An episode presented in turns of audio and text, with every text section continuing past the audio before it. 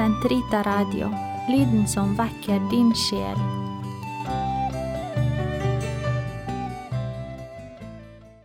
Den katolske kirkes katekisme, uke 35, 638 til 644.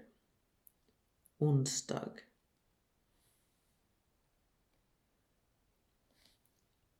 Annet avsnitt sto opp på den tredje dag fra de døde.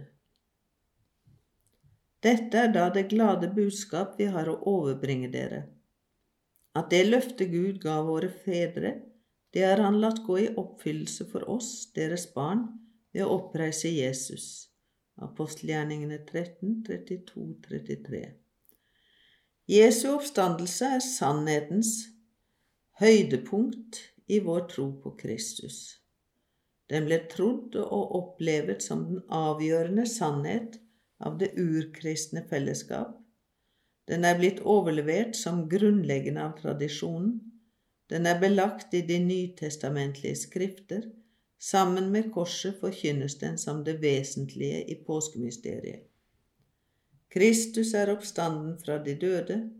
Ved sin død overvant han døden. Dem som hviler i graven, ga han liv. Den historiske og transcendente begivenhet. Kristi oppstandelsesmysterium er en virkelig hendelse som ga seg historisk belagte utslag, slik Det nye testamentet bekrefter. Allerede den hellige Paulus kunne skrive til korinterne henimot år 56.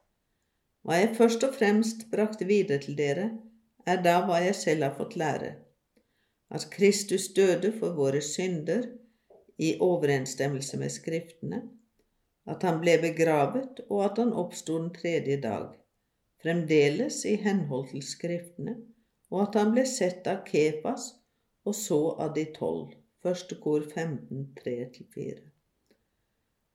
Apostelen taler her om den levende oppstandelsestradisjon han hadde tatt imot etter sin omvendelse utenfor Damaskus. Den tomme grav Hvorfor søker dere den levende blant de døde? Han er ikke her, han er oppstanden. Lukas 24, 5-6 Innenfor rammen av påskens begivenheter er den tomme grav det første element vi møter. I seg selv er den ikke noe direkte bevis. Fraværet av Kristi lik fra graven kunne forklares på andre måter. Til tross for dette utgjorde den tomme grav et tegn av vesentlig betydning. Da disiplene oppdaget den, var dette det første skritt på veien til å forstå at Kristus virkelig var oppstanden slik det først skjedde med de hellige kvinner, deretter med Peter. Den disippel som Jesus holdt så meget av, Johannes 22, sier at da han kom inn i den tomme graven og fikk øye på likklærne på jorden, Johannes 26, så han og trodde, Johannes 28. Dette forutsetter at han, ut fra den tilstanden tomme graven var i, har trukket den slutning at fraværet av Jesu legeme ikke skyldtes menneskers verk, og at Jesus ikke simpelthen var vendt tilbake til jordelivet, slik det skjedde med Lasarus. Den oppstandende viser seg. Maria fra Magdala og de hellige kvinner som kom for å gjøre ferdig salvingen av Jesu lik, siden han var blitt gravlagt i all hast på grunn av sabbaten som begynte langfredag kveld, var de første som møtte den oppstandende. Slik var det kvinnene som var de første til å bære bud om oppstandelsen til apostlene selv. Lukas 24, 9-10. Deretter er det dem Jesus viser seg for, først for Peter, deretter for de tolv. Peter, kalt som han er til å styrke sine brødres tro, ser altså den oppstandende før dem. Det er hans vitneprov som får fellesskapet til å utbryte. Herren er virkelig oppstanden og har vist seg for Simon. Lukas 24, 34. Alt det som skjedde disse påskedagene, trakk apostlene og Peter i første rekke med i oppbygging av den nye tid som hadde demret påskemorgen. Som vitner om den oppstandende er det de som skal være grunnstenene i kirken. Urmenighetens tro er tuftet på vitnesbyrdet til konkrete mennesker som de kristne kjente, og som for de flestes vedkommende fremdeles levet blant dem. Disse vitner om Kristi oppstandelse er først og fremst Peter og de tolv, men ikke bare de.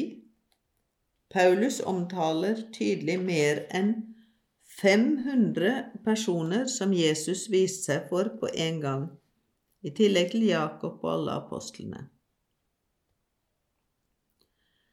Disse vitneprovene tatt i betraktning er det umulig å tolke Kristi oppstandelse som noe utenfor den fysiske orden, og ikke anerkjenne den som et historisk faktum.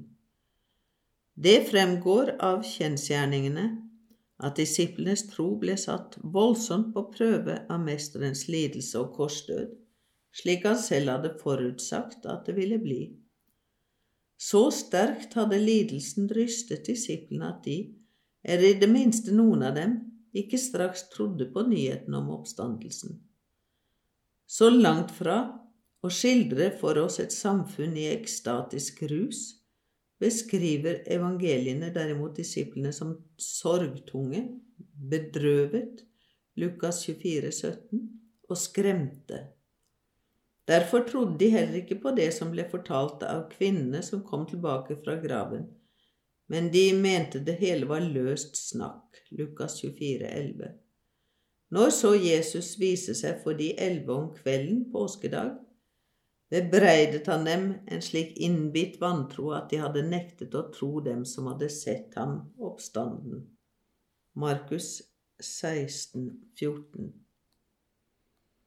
Selv i nærvær av den oppstandende Jesus tviler disiplene fremdeles. Så umulig forekommer det hele dem å være. De tror de ser et gjenferd. Men fremdeles sto de der fulle av vantro og undring. De våget ikke tro for bare glede. Lukas 24, 41. Thomas nages av den samme tvil.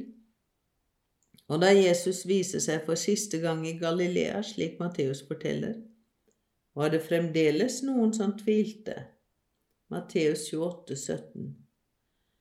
Derfor er hypotesen om at oppstandelsen skal være et produkt av apostlenes tro eller godtroenhet, grunnløs. Tvert imot, deres tro på oppstandelsen oppsto under Guds nådes virke, ut fra deres direkte opplevelse av at Jesus virkelig var oppstanden.